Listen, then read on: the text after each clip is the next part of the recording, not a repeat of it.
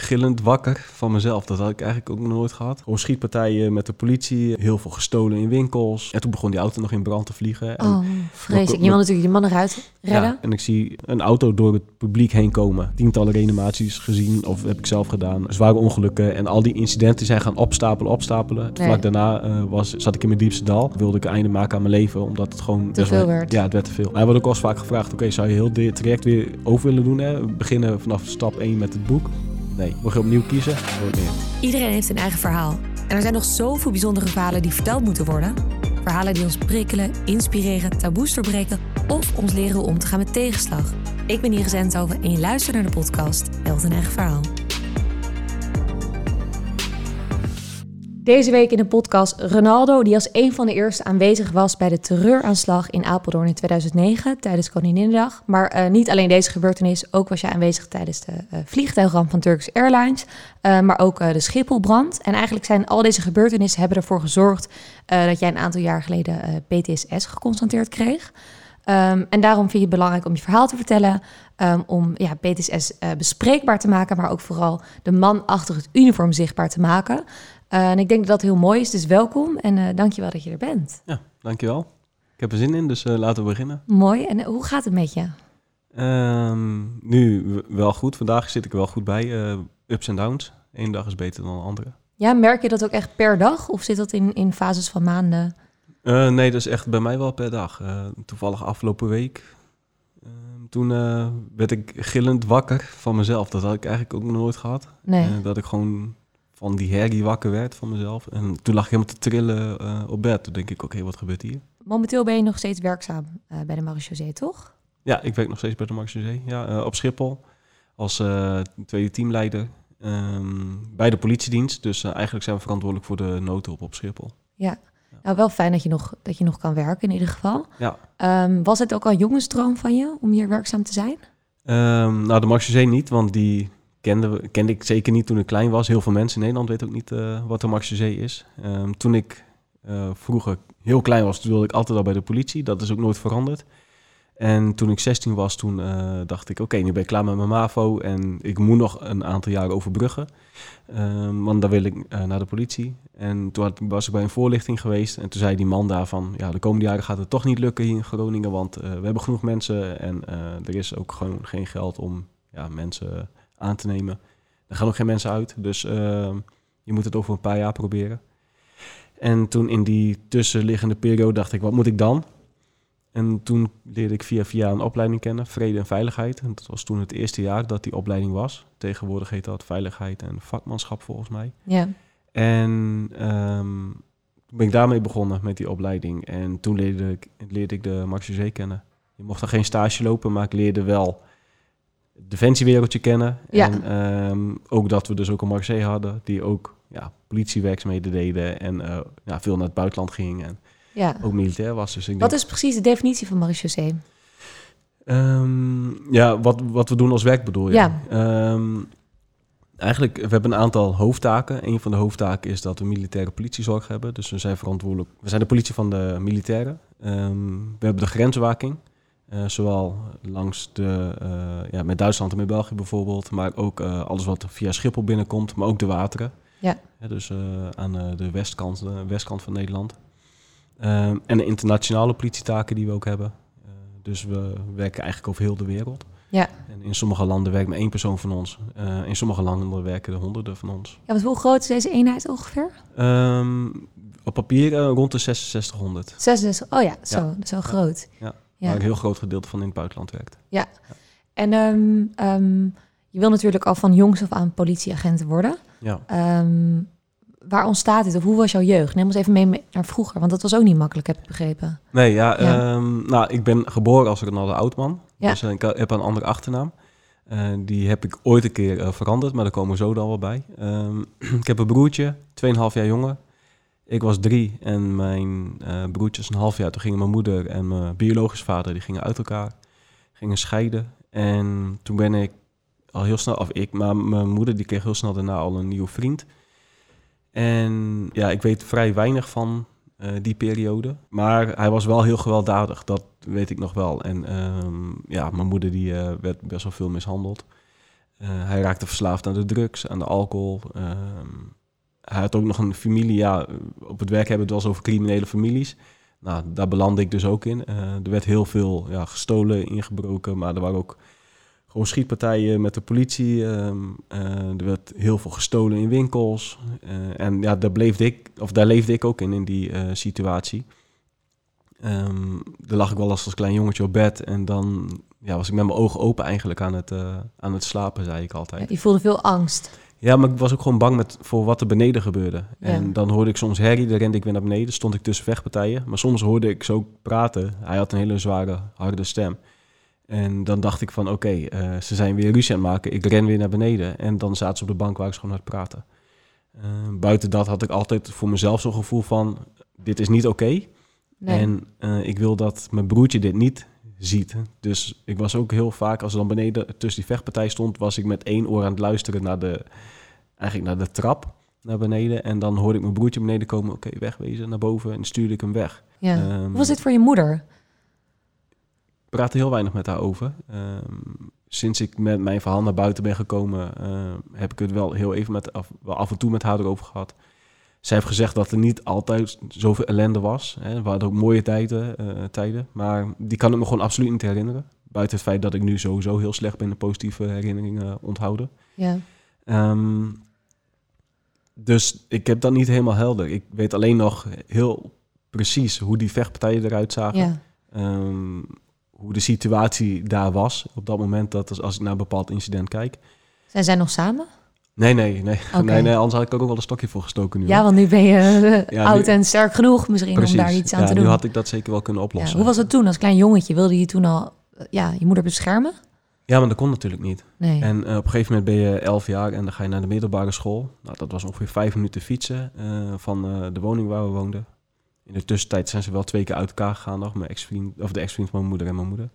En toen ehm, zat ik met mijn gedachten ook daar. Dus ik zat op school en ik was met mijn gedachten was ik bij... oké, wat voor dienst heeft hij? Heeft hij laat of vroege dienst? Wat voor dienst? Wat voor werk? Uh, hij werkte in een checkfabriek. Oké. Um, en ook in Groningen. Ja. Had hij vroege diensten, wist ik dat mijn moeder veilig thuis was. Had ja. hij late dienst, dan uh, was mijn moeder thuis. Hij was thuis, dan vroeg ik me af, was het wel veilig? Uh, ik was er gewoon heel veel mee bezig. Ja. Uh, als ik dan nu terugkijk, ik vond, het was toch gewoon normaal. Hè? Het was mijn leven zo, hè? dus ik was niet anders gewend. Ja, maar je kreeg wel een hele bak bagage eigenlijk mee op jonge leeftijd. Ja, ja best wel veel, ja. Ja. ja. ja. En nu is het natuurlijk knap dat je erover kan, over kan praten, maar toen had je dat waarschijnlijk helemaal niet door. Nee, helemaal niet. En um, uiteindelijk, rond mijn 17 is mijn moeder weg. Mijn moeder en die ex-vriend van mijn moeder zijn uit elkaar gegaan. Um, nu hebben we het alleen nog maar over hem, maar ik heb natuurlijk ook nog mijn biologische vader. Ja. Waar ik dus van afstand gedaan heb met mijn naam. Um, die is toen op een gegeven moment eigen coffeeshops begonnen. Nou ja, uh, drugs uh, gaat altijd uh, met criminaliteit gepaard. Ja. Dus dat, dat is nooit legaal. Um, dus hij had meerdere coffeeshops in het noorden van Groningen. En daar ging ik als klein jongetje mee naartoe. Dus ik zat ook daar altijd in de coffeeshops drugs te verkopen. Of ik had drugs in mijn handen. Uh, heel veel guldens, uh, duizenden guldens wat door je handen heen vloog. Of wat je zag. Of, ja, mijn vader die had behoorlijke stapels met uh, cash geld altijd. Dus toen op een gegeven moment, toen, ik had geen contact meer met mijn vader. Mijn vader die is toen het land uitgevlucht om een aantal ja, behoorlijk serieuze bedreigingen. om niet in details te gaan, maar dat ging echt wel heel heftig. Ja. Um, en toen uh, ben ik eigenlijk in die jaren daartussen, tussen toen hij wegging, hij is uiteindelijk uh, gevlucht naar Venezuela. Ja, is dat slim om te zeggen? Of, of zoeken mensen hem nog? Geen idee. Oké. Okay. Het staat ook al in een boek, dus. Oké, oké, okay, ja, nee, ja, goed. Ja, dus dan heb ik al pech. Ja. Ik heb mijn nieuwe achternaam en mijn oude achternaam genoemd. Dus, uh, ja. Maar um, hij, uh, uh, of toen heb ik dus uiteindelijk afstand genomen van die achternaam. Waarom? Omdat ik toch altijd ook politieagent toen nog wilde worden. Ja. En hij voelde niet als mijn vader. Nee, en, want hij was juist hetgeen waar je tegen jij als politieagent zou willen vechten. Uh, wel tegen, tegen de drugs. Ja, ja criminaliteit ja. ook. Ja, ja, en ik weet wel uh, dat ik heb ook nog een halfbroertje. Hij heeft een, uh, een zoontje bij iemand anders. Daar heb ik best wel goed contact mee. Hij, mijn vader is gewoon echt een goed zak. Ja. Alleen hij heeft gewoon misschien verkeerde beslissingen genomen. En mijn broertje heeft nu nog steeds contact met hem. En die zegt dat nog steeds. Hij maakt gewoon verkeerde beslissingen. En um, iedereen moet zijn eigen keuzes maken. Eh, alleen die keuzes die hij soms maakt zijn gewoon niet tactisch, niet handig. En ik denk, zeg maar, in die periode waar ik toen in zat en met alle, alle ellende thuis, wilde ik gewoon afstand nemen van Ja. dat. En eh, toen heb ik dus de achternaam van mijn moeder genomen op mijn zestiende. En de, dat was, we kregen een brief toen ondertekend door de koningin. En ehm, dat was volgens mij twee dagen na mijn diploma-uitreiking. Dus ik had Ja. mijn diploma mijn oude achternaam. Dus Oh dat ja, was echt ja. niet tof. Gewoon. Nee, nee, nee, Maar ja, niet dat Was handig. even, dat was even wat het was. Ik vind sowieso al wel dat je dat al weet op je zestiende, vind ik al best wel bijzonder. Van ik wil dat nu doen. Ja, maar het is wel een terecht geweest van volgens mij drie of vier jaar. Want de, die ben minderjarig, dus de Raad van. Kinderbescherming moet zich ermee bemoeien. En er zijn heel veel instanties die zich mee bemoeien. En ik weet nog wel dat we heel vaak naar, eh, eh, naar zo'n kantoor moesten van de, de kinderbescherming. En dan moesten we weer praten over... Ja, waarom? waarom Wat is en- gebeurd? Ja. Ja, Kon je dan veel zeggen? Of? Eh, ja ik, ik, ik kan nu veel meer vertellen natuurlijk. Toen was, wat we net al zeiden, was het normaal. Mijn jeugd was normaal. Ik zag het niet anders. Ik had alleen wel een ongezonde spanning eigenlijk altijd bij me. Ehm, en ik was dus niet heel erg bezig met, eh, met mijn jeugd. Ik was niet heel erg bezig met puberteit. Nee. Die dingen heb ik helemaal niet meegemaakt. Die hele stap heb ik overgeslagen. Nee, Ja. ik heb het vaak met een vriendin van mij die ook in kinder, bij kinderbescherming werkt. Heel veel over. Ik vind dat altijd wel ook dat zij heel veel bijzondere verhalen vertelt. Waarin dus het heel raar is om te beseffen dat, dat misschien als je gewoon ja, een, een gezond gezin komt, zeg maar, qua, qua opgroeien en qua puberteit en alles meemaken, dat er eigenlijk zoveel kinderen zijn die dat, dat hele gedeelte ehm, missen. En dat Ja. het zo goed is om daarbij stil te staan dat, dat die kinderen op dat moment natuurlijk niet doorhebben dat dat niet normaal is. Want het zijn hun ouders en ze, hebben, ze denken dat dat gewoon ja, the way to go is. Ja, Ehm. en ik had toevallig laatst ook met iemand over. En dat klinkt heel cruel hoe ik het zeg, maar zo voel ik het soms wel. Als ik het dan even op mijn eigen situatie pak hè, en ik kijk naar de ex-vriend van mijn moeder. Ja, Gast, waarom ga je met een vrouw die kinderen heeft? Als je er Ja. toch niet voor kan zorgen. Als Nee. je toch een teringleier bent. Ehm, en zo zie ik dat veel meer omheen. Hè. Ook in mijn werk eh, zie ik dat, denk ik... Waarom maak je die keuze om eh, voor, voor kinderen te gaan... als je zie je zelf nou niet wat voor debiel je bent? ja, of je misschien niet capabel genoeg bent. Ja. Ja. Of mensen denken er misschien niet goed over na om kinderen te nemen. Dat weet ik niet. Hè? Ja. Ja. dat als ik van buitenaf kijk, soms naar bepaalde incidenten die we meemaken, denk ik, serieus, hoe kan dit? En ja, eh, we hadden het net in de voorbespreking even over ook andere, andere podcasts van jou die ik geluisterd had. Ja, En dan eh, denk ik ook van, shit, hé, waarom hè? Waar- eh, ja. waar- waarom geven we, waarom brengen we kinderen op de wereld om zo'n klote jeugd te geven? ja zo'n precies. leven? Ja, hoe asociaal ben je dan eigenlijk? Ja. Vind ik ook hoor, Ja. ben ik het helemaal mee eens.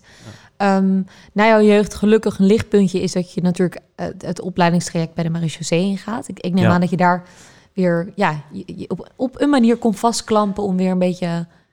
Ja, je wordt daar gevormd, hè? Ja, Ehm, en je wordt daar gewoon, ja, eh, behoorlijk gedrild ook wel in sommige gevallen. Ehm, en iedereen op zijn eigen niveau natuurlijk. En ehm, toen daar, eh, ja, hoorde ik bij die club die kon vechten tegen onrecht. ja, En ik kijk altijd, iedereen heeft een passie voor een bepaalde taakstelling bij ons. En eh, bij mij ligt die passie echt in de noodhulp. En dus ik heb eigenlijk het geluk gehad dat van, de, van het werk wat we allemaal hebben bij de Marseillais, dat ik eh, naar Schiphol kon en daar gewoon de politiedienst kon doen. Dus Ja. volledig gefocust op de noodhulp, dus gewoon politieagent zijn. ja. Ja. maar goed, dan maak je natuurlijk ook een aantal gebeurtenissen mee. Ja. Eh, welke zijn jou het meest bijgebleven? Of, Eh, nou ja, je maakt bijna dagelijks incidenten mee. Ehm, je ziet best wel veel mensen die overlijden. Ehm, op Schiphol? Ja, ja, Oh, Ja, het is niet alleen het gebouw, maar alles eromheen ook. Dus we maken best wel vaak ongelukken mee, dodelijke ongelukken. Eh, we hebben heel veel snelwegen om ons, dus Ja. eh, daar gebeurt heel veel. En wij eh, ondersteunen daarin gewoon de nationale politie. lijkt me best heftig ook het eerste moment dat je zoiets meemaakt. Ja, mijn eerste reanimatie kan ik wel goed herinneren, ja. Want toen was ik 19, net klaar met de opleiding. Toen had- bestond stage lopen ook nog niet. Nee. Dus ik kwam, volgens mij in mijn tweede of derde week had ik mijn eerste reanimatie. En ik sliep intern. Dus ik sliep op de kazerne in Battenverdorp. Een hele kleine kazerne was dat toen. En ehm, ik was na de reanimatie, ging ik op mijn kamer zitten. En ik denk, ja, en nu? En heet het die beelden voor je. denk ik, ja, oké, het is wel heftig. Dus ik ja. denk, ik bel mijn moeder maar. Dus ik bel mijn moeder. Ik zeg, mam, ik heb eh, iemand gereanimeerd. Hoezo heb je iemand gereanimeerd? Die snapte ook nog niet helemaal, wat doet die Marche nou? Nee. En voor mij was het ook, ja, ik heb een jaar binnen de hekken van Apeldoorn gezeten, waar de opleiding was. En ik heb boem stond ik in de grote mensenwereld. En een paar weken later trek je vuurwapen en eh, ja, zo gaan we verder. En dan kom je in behoorlijk heftige situaties terecht. En om terug te komen op de vraag, eh, wat blijft je echt bij, is een dodelijk ongeluk wat, ehm, ik weet even het jaar niet meer, volgens mij 2006, wat eigenlijk ja, voor mijn neus gebeurde. Was een taxichauffeur. ja, in, in zijn taxi, die, kruis, die ging eigenlijk een busbaan overkruisen. Ja. En ehm, toen kwam er een bus aan, gewoon een grote eh, lijnbus kwam eraan Ja. en die schepte hem.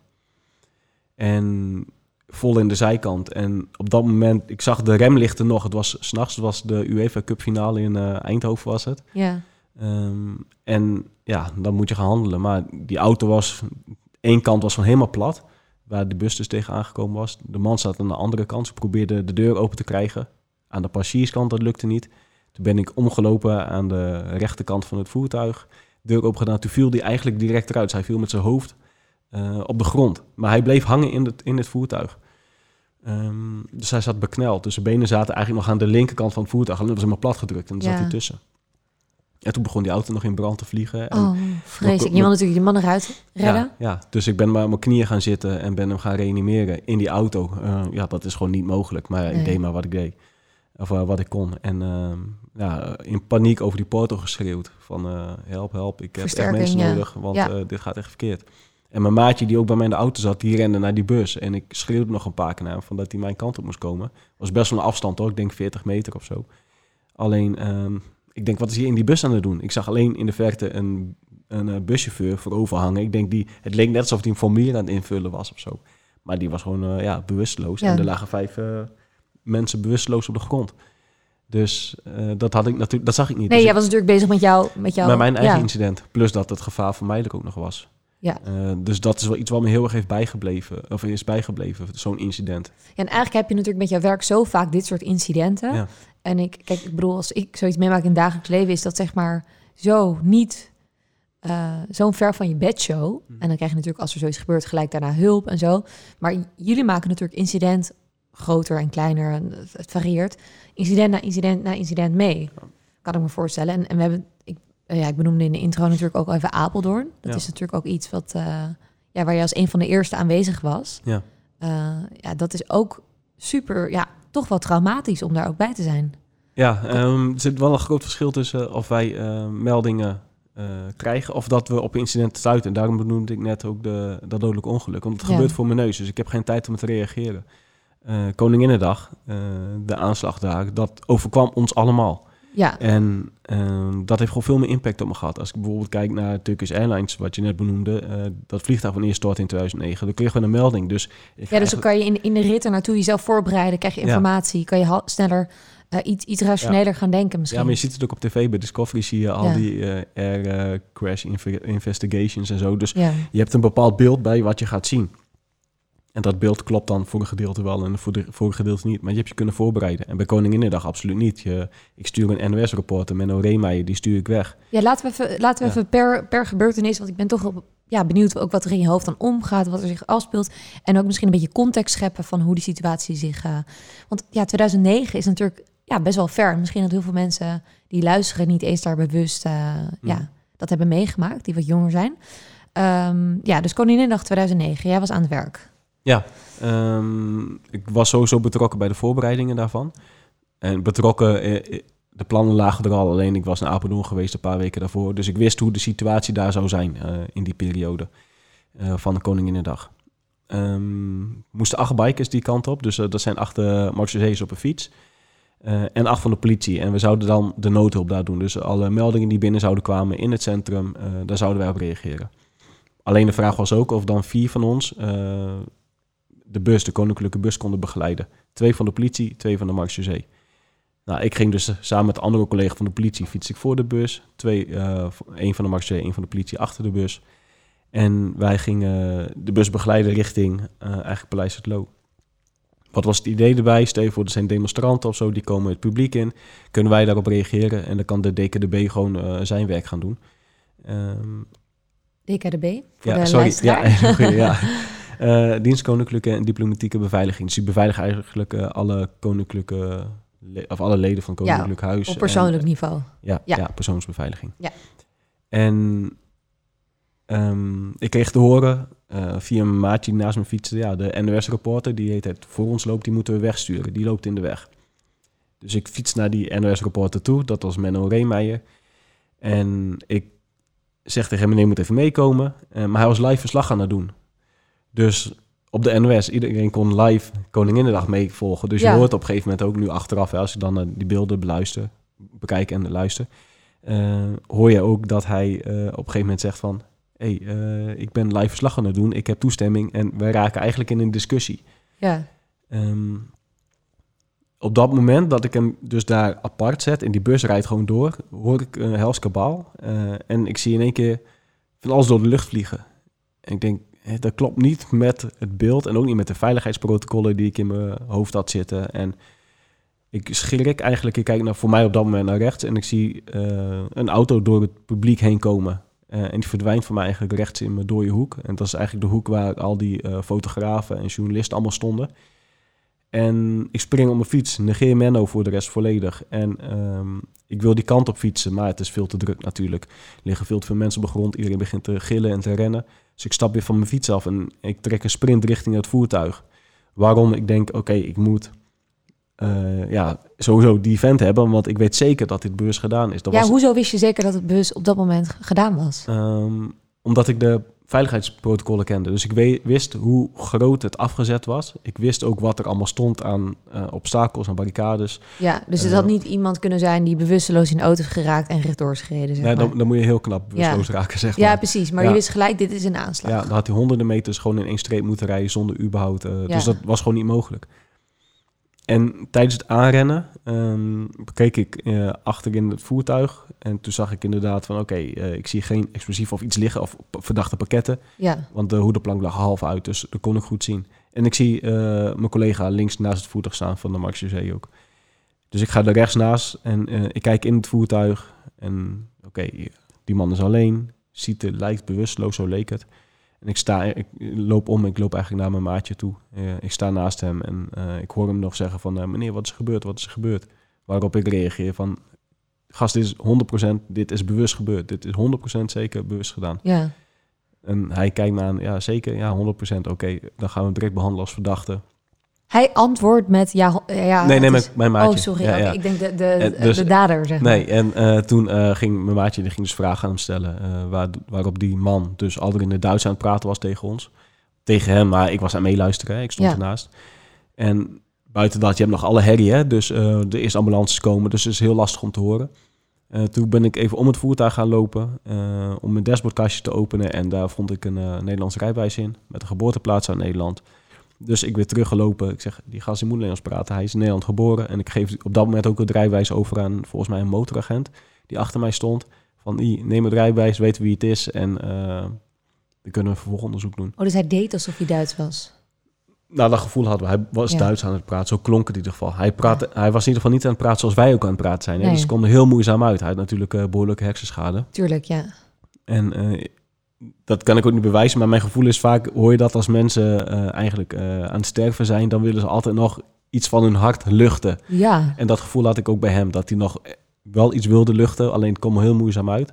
En uiteindelijk door vragen stellen en gezegd te hebben, wat, wat mijn collega zei van, oké, je bent niet de antwoorden verplicht. Dat betekent, dat doen we altijd als we een verdachte hebben, iemand die Ja. verdacht iets ergens van. Ehm, en hij antwoordde daar uiteindelijk dus wel op van, eh, dat hij het beurs gedaan had. Ja. En had hij ook een reden gegeven? Nee, niet een directe reden. Nee. nee. Want met welke vraag antwoordde hij? Hoe, hoe zei hij van, ik heb het bewust gedaan? Ehm, nou, mijn collega die vroeg, heb je het bus gedaan? En toen was van, ja, ik heb het bus gedaan. En daarvoor had hij nog aangegeven dat Willem-Alexander een fascist, een racist is. En Ah, dus het was Ja. echt een aanslag inderdaad. Be- da- bewust. daardoor ja. konden wij er wel heel zeker van Ja. uitgaan dat het een eh, aanslag zou zijn. Ah, ja. Jeetje, Mina. Ja. dan sta je daar. En die antwoorden zijn zo cruciaal. Eh, voor het vervolgonderzoek wel. Ja. Ja. zeker. Ook omdat hij daarna overleden is. En Ja. vooral, ja precies. En vooral omdat je zegt, omdat het ook zijn laatste adem is. Omdat dat is het moment waarin je, waarin je eigenlijk psychologisch goed moet schakelen om de juiste informatie te krijgen. Ja, ja. Dus, eh, en, en daarna? Ehm, ik weet niet exact de tijdslijn, maar op een gegeven moment zijn wij eh, weggehaald daar. Zijn wij naar het politiebureau gebracht. Moesten we, kijk even naar mijn maatje en ik, wat al die andere bikers en hulpverleners allemaal gedaan hebben, weet ik niet. Ehm, en wij zijn apart in een apart hok neergezet. Ja, procesverbaal. Ja, precies, Ja. ballen opmaken, ja. Ja. En toen op een gegeven moment werden we wel teruggeroepen.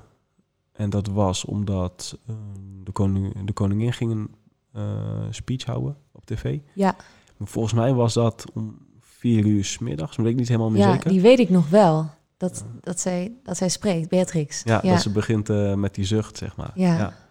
Dus daar, mo daar mochten we even naar kijken. En toen moesten we weer eh, terug het hok in en eh, verder gaan met eh, tikken. Ik heb het niet precies voor mijn geest, maar, maar die aanslag, is het, was het ver van de bus van, van het, eh, de koninklijke familie? Nee, nee, nee, nee, nee, nee. Als, als die niet van baan gewisseld was, zeg maar, dus hij is op een gegeven moment door die mensenmassa heen gereden. En toen is het voertuig eigenlijk naar links tegen de naald tot stilstand gekomen.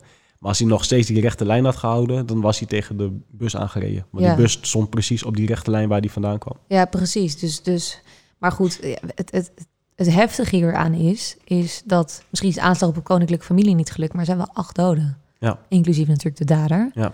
Ook heel veel gewonden, Ja. eh, waarvan jij ook nog wel contact hebt, begreep ik. Ja, Ja. ja. ik had, ehm, omdat mijn boek dus uitkwam, heeft eh, dat meisje, het meisje, hè, zo noemen ze Ja. het vaak, hè, eh, Senna, die benaderde mij, omdat mijn boek was uitgekomen. En eigenlijk benaderde ze mij van, oh, nou, die man gaat toch niet reageren. En ik reageerde direct en vond het super tof. Ja, Ik denk, ja, haar wil ik zien. Met haar wil ik praten. En we hebben ook eh, toen de tien jaar na de aanslag, dus in 2019, zijn we met z'n allen naar de kerk gegaan. De grote kerk in eh, Apeldoorn. En daar heb ik ook een aantal nabestaanden gesproken. En ik weet niet of dat per se voor verwerking is of zo.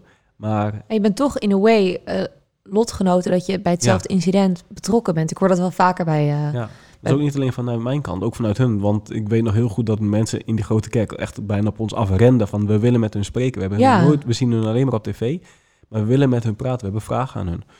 Ehm, ik denk dat ik datzelfde gevoel ook heb. Van ik wil gewoon even met die mensen praten. Ja. ja.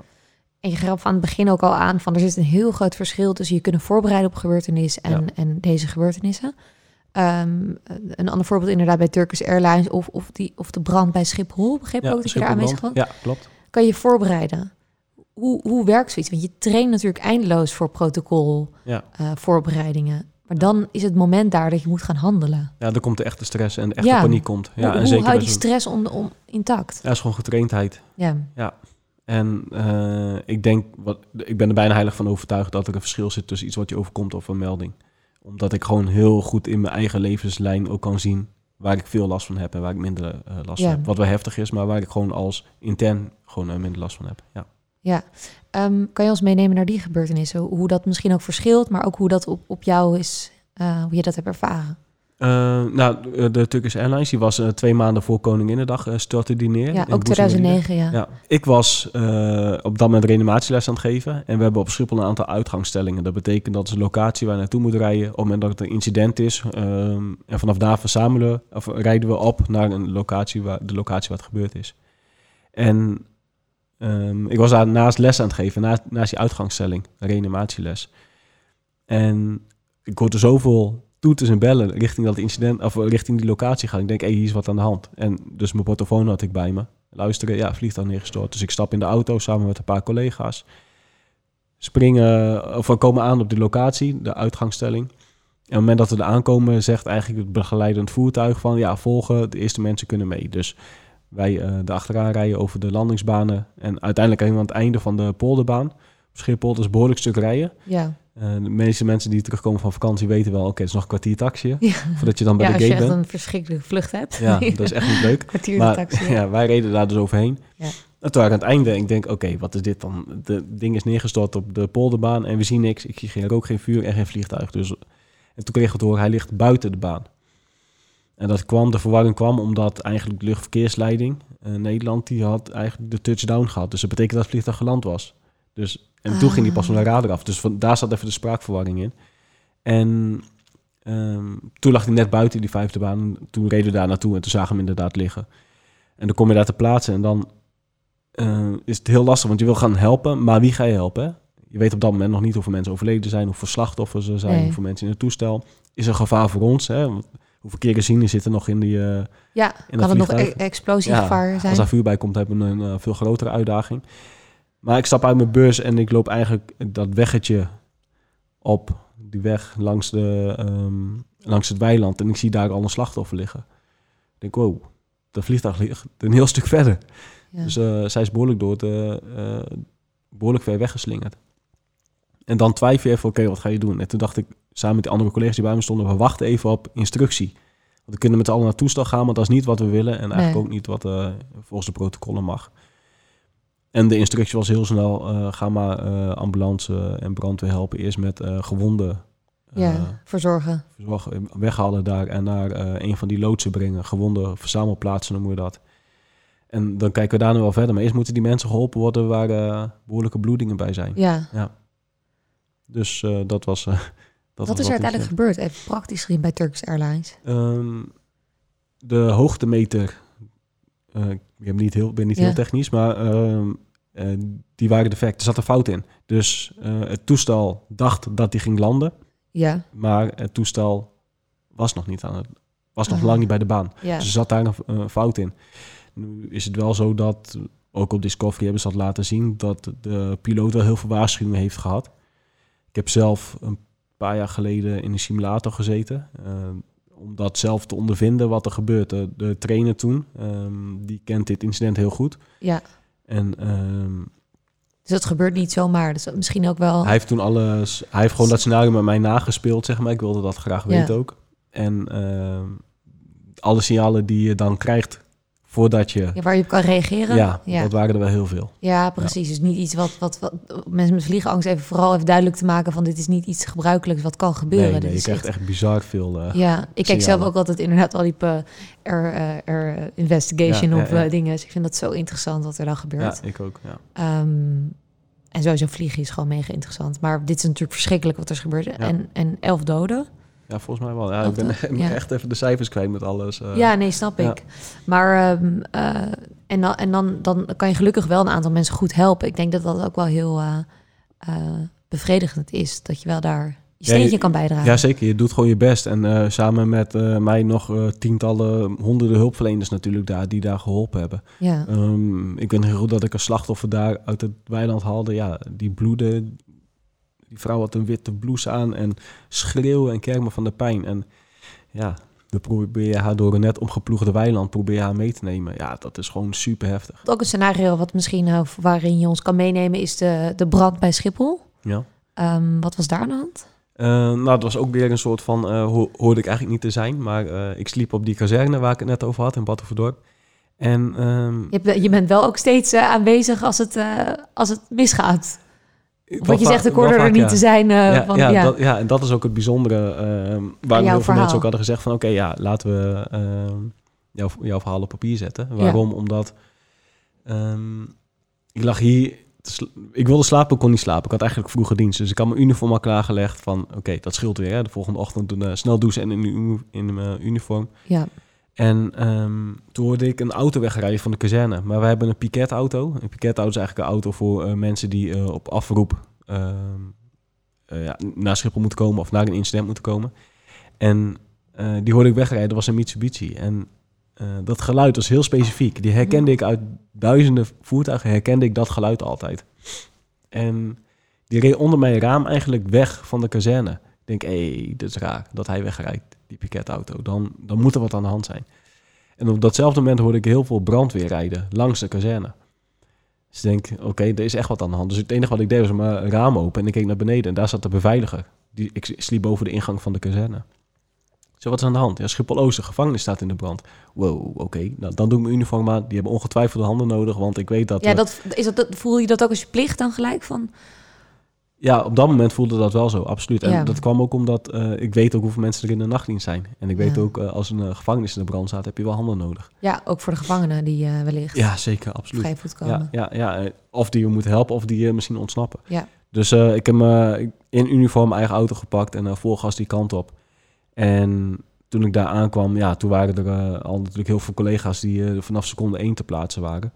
En ehm daar hebben we bij aangesloten. En daar kan je niet zo heel veel buiten eh, onze standaardprocessen, verkeer regelen, eh, zorgen dat gewonde nesten zijn. Dus mensen die gewond zijn, dat we die eh, ergens veilig kunnen neerleggen. Ja. Of neerleggen, ja, in hoeverre neerleggen. Maar, ehm, maar hier gingen ook natuurlijk gevangenen ontsnappen. Ja. Dus dat werd een extra taak die we kregen om ja, gevangenen ja, te om zoeken. het, om, ja. Want er waren er wel een aantal kwijt. Ja? Ja, ja, ja. ja. Zijn er ook een aantal niet teruggevonden? ja, ja. Zo, was het ook met opzet dat ze wilden ontsnappen?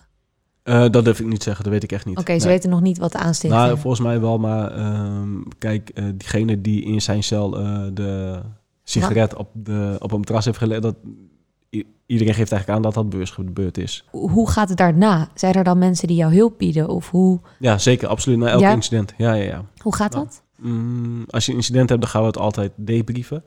Eh, en iedereen doet dat op zijn of haar eigen manier. Alleen, ehm, dan komt er ook collegiale ondersteuning. En de collegiale ondersteuning die gaat eh, dan het proces van dat incident met jou begeleiden. En ehm, dat kan een paar dagen zijn, maar dat kan ook een paar weken zijn, of een jaar of meerdere jaren. Maar dan uiteindelijk ligt het niet meer bij de collegiale ondersteuning. En wij hebben het geluk binnen Defensie dat wij een hele defensielijn hebben. En dan ga je gewoon naar richting maatschappelijk werk, psychologen. eh, eh, Dus die begeleiding is hartstikke goed. Ja, ja, ja, het is goed ingeregeld. ja. Ja. Maar toch kom jij er een aantal jaar achter. Ehm, welk moment kom je erachter van... Het zit niet goed. Eh, nou, ik kwam er zelf niet achter, hè, want eh, je hebt van jezelf niet door dat je verandert. Dat zien alleen de mensen om je heen. Eh, ik geef heel vaak het voorbeeld van de broek die past niet meer. Als je denkt van, oké, nu ben ik echt te dik. Maar die weg daar naartoe, die heb je niet door. Dat Nee. geldt, hetzelfde geldt in je hoofd ook. Dat je elke dag met jezelf wakker wordt, ja prima. Maar dat je aan het veranderen bent, dat zien de mensen om je heen. Ehm, bij mij was de opeenstapeling vanaf, laten we even zeggen, vanaf mijn vijfde, zesde levensjaar. Met zoveel stress, elke dag met mijn ogen open slapen, zoveel ellende gezien. Ehm, dingen die we ook nog niet benoemd hebben, maar gewoon best wel heftig zijn geweest. Eh, dan begin bij de Markse Zee. Direct al die eerste reanimatie. Uiteindelijk heb ik tientallen reanimaties gezien of heb ik zelf gedaan. Ehm, veel zware ongelukken en al die incidenten zijn gaan opstapelen, opstapelen. En mensen omheen zeiden je verandert. En ik zei het is niet zo. En dan, eh, dan ga je natuurlijk het, tra- het ja, traject in van... Of krijg je de diagnose na een tijdje van je hebt PTSS. Ja. Hoe is dat? Misschien wist ik het stiekem al wel. Ja. Eh, alleen het herkennen en het erkennen. Hè, eh, herkennen, dat deed ik misschien al wel een tijdje in het onderbewuste. Maar het erkennen, dus ermee naar buiten komen. En ermee naar buiten komen bedoel ik dan aan je naasten vertellen. Dat heb ik heel lang niet gedaan. Eh, op een gegeven moment op het werk heb ik het wel moeten vertellen. Het voordeel was dat ik niet operationeel werkte, dus ik zat niet in die noodhulp. Eh, ik zat toen bij die trainingsgroep, dus ik kon wat meer achter de schermen werken. Ehm, en toen ben ik eh, ja, eigenlijk gewoon begonnen met de psycholoog.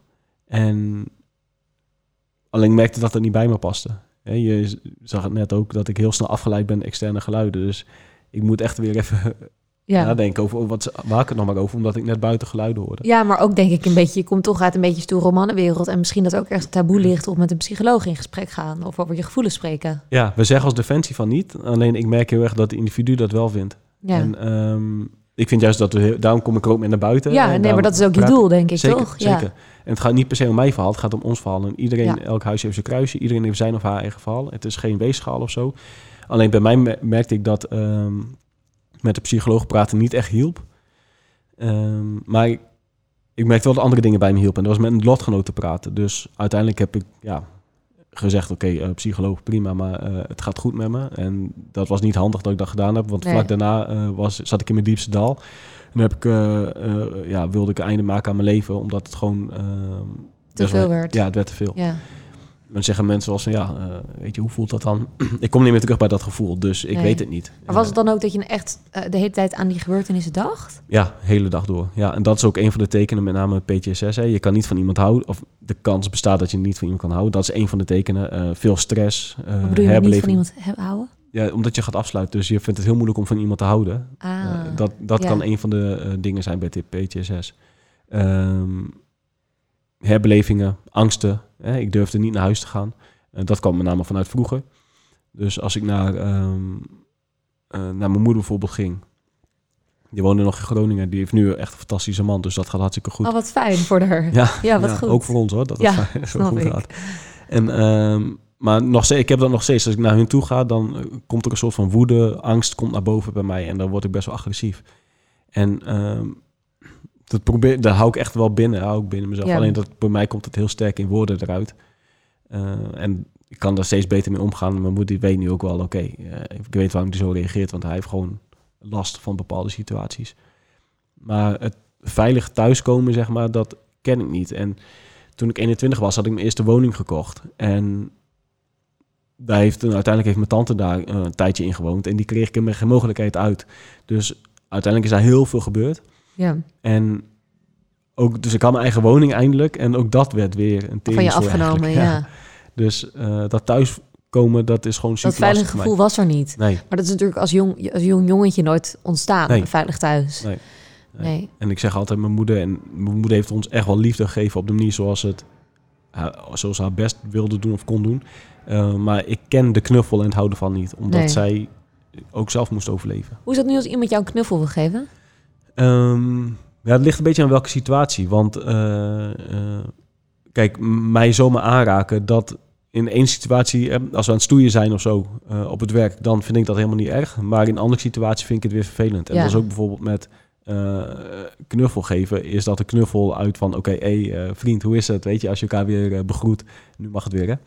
Eh, Ja, ja een Oh, beetje. Oh, nee, een beetje, beetje, niet helemaal. Maar dat, dat is anders, zeg maar, dan echt die gevoelige knuffel. Daar eh, krijg ik gewoon veel sneller storing. En ik merk omheen als mijn moeder mij bijvoorbeeld een knuffel geeft, dat ik na een halve seconde al denk, oké, en wegwezen. Loslaten, anders word ik helemaal gek.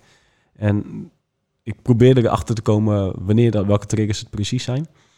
Ehm, maar ja, de, ja, ja, Niet graag, nee. nee. Is het moeilijk om er nog over te praten? Ja, ja. En ehm mij wordt ook al vaak gevraagd: oké, zou je heel dit, dit, traject weer over willen doen? Hè? Beginnen vanaf stap 1 met het boek? Nee. Mocht je opnieuw kiezen? Nooit meer. Nee, dit werkt niet. Nee, het werkt wel. Ja, Ja. denk ik wel. Ik weet ook niet wat ik anders moet. Het enige wat ik kan is dit. Maar ehm, nou, en dus nu een boek schrijven, dus. ja, ja, nou ja, maar dat komt dus door dit werk. ja, klopt. Ja. Eh, maar het boek schrijven eh, zou ik niet meer overnieuw doen, denk ik. Maar ook omdat er zoveel naar boven is gekomen. Mijn, eh, de, degene die het boek geschreven heeft, eh, we hebben het echt op interviewniveau gedaan, die stelt hele goede vragen. ja. En die ging zichzelf ook, om vertrouwen te wekken, ging die zichzelf ook kwetsbaar opstellen richting mij. Waardoor we gewoon soms echt behoorlijk emotionele dagen hadden. Ehm, en dat die dingen vroeg en dat ik soms gewoon echt al vijf minuten zat na te denken van... Oh ja, dat is ook nog gebeurd. Ja. En ehm, zo, zo ben ik af en toe, heb ik, heb ik dus ook aan mijn moeder moeten vragen, ja, wat is er toen en toen gebeurd? Ja, da- en dan komt het eruit. Wow, fuck, ja, nu, kan ik, nu herinner ik me, nu zie ik die beelden weer. Ik had Ja. het allemaal weggestopt en het is allemaal open gegaan. Ja, ik heb het afgelopen jaar echt heel slecht op bed gelegen. ja, snap ik. Heeft het ook schade aangericht aan je, aan je persoonlijke Ehm, vriendschap Nou, of relaties of iets? nee, nee, ik heb nu wel... eh, ik merk wel dat ik... eh, je hebt Ronaldo tot, tot en met 2016 en Ronaldo daarna. Alleen Ronaldo daarna is nog niet eh, echt een nieuwe Ronaldo. Die is nog Nee. heel gaan het zoeken. En ik ben nog steeds aan het zoeken naar wat ik nou precies wil. Ik weet dat ik voor 2016 heel uitbundig was en heel levendig. Gewoon een masker. Ja. gewoon alle ellende vergeten. En gewoon Zeggen dat het gek- goed gaat. Zeggen ja. dat het goed gaan. Alleen maar leuke dingen doen en gewoon niet de ellende zien. Ehm, nu word ik natuurlijk dagelijks geconfronteerd met mijn eigen ellende, omdat elke dag krijg ik wel eh, DM's noemen ze dat, hè? Ja. Eh, je moet er even een beetje aan wennen. ja. En eh Van mails, lotgenoten. ja, maar ook voor partners van lotgenoten, van mensen die, ik heb zelfs mensen gehad die hadden gewoon echt een hekel aan ons werk en die zeggen, ik heb zo'n ander beeld gekregen van jullie werk. Ja.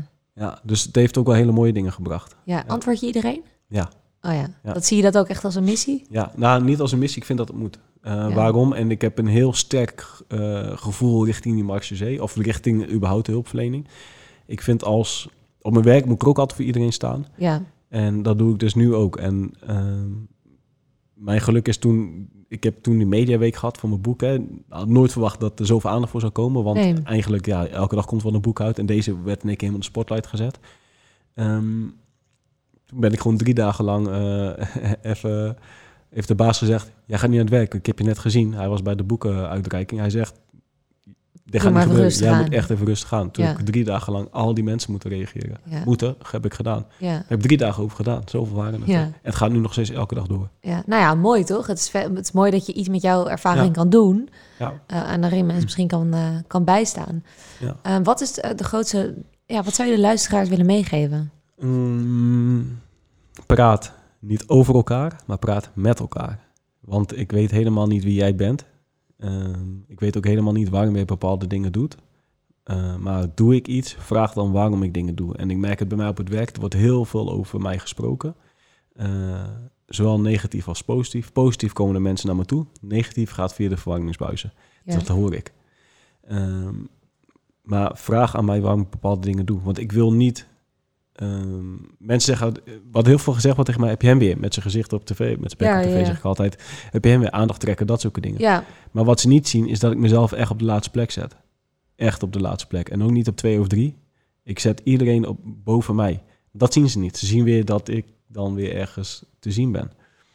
Ehm, is dat dan ook jaloezie? Een stukje erkenning wat jij misschien geen ontvangt? idee. Ik wil gewoon met die mensen in gesprek. Waarom, waarom zeggen dat over mij? En eh, ben je dan nog steeds niet tevreden met mijn antwoord? Prima. Hè? We hebben, ik zeg altijd, 7 miljard mensen op de wereld. Dus allemaal Ja. verschillende meningen, ideeën.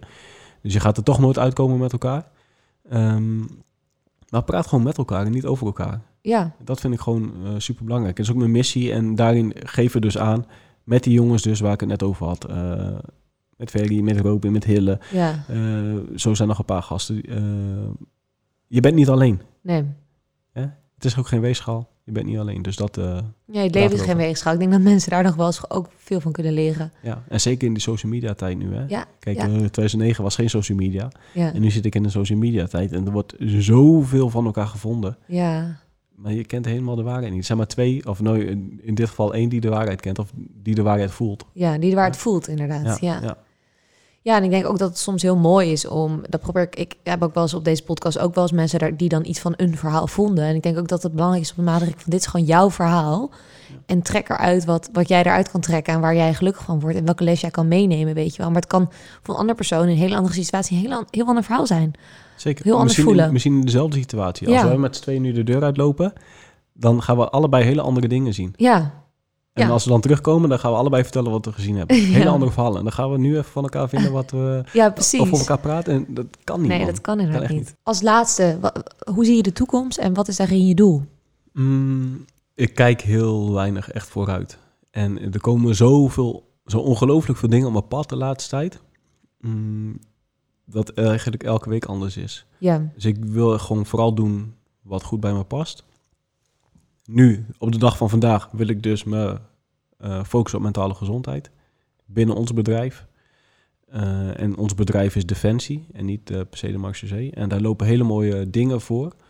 ehm, die nu nog met pen geschreven worden, of met potlood geschreven worden, maar ik denk binnen nu in een paar weken gepubliceerd gaan worden. ja, mooi. Ja. Dus echt daarbinnen gewoon mensen helpen. Ja, Ja. ja. Ja, en daar krijgen we eigenlijk alle bewegingen in. Dat is alleen de verkeerde periode, want het is komkommertijd. Vanaf vandaag niet meer zag ik... eh, Ja, ik zie iedereen die gaat weer kinderen naar school brengen. Dus dat betekent dat de komkommertijd voorbij is. Kijk, ja. Dus ik denk, oké, vanaf nu kunnen we weer stappen maken.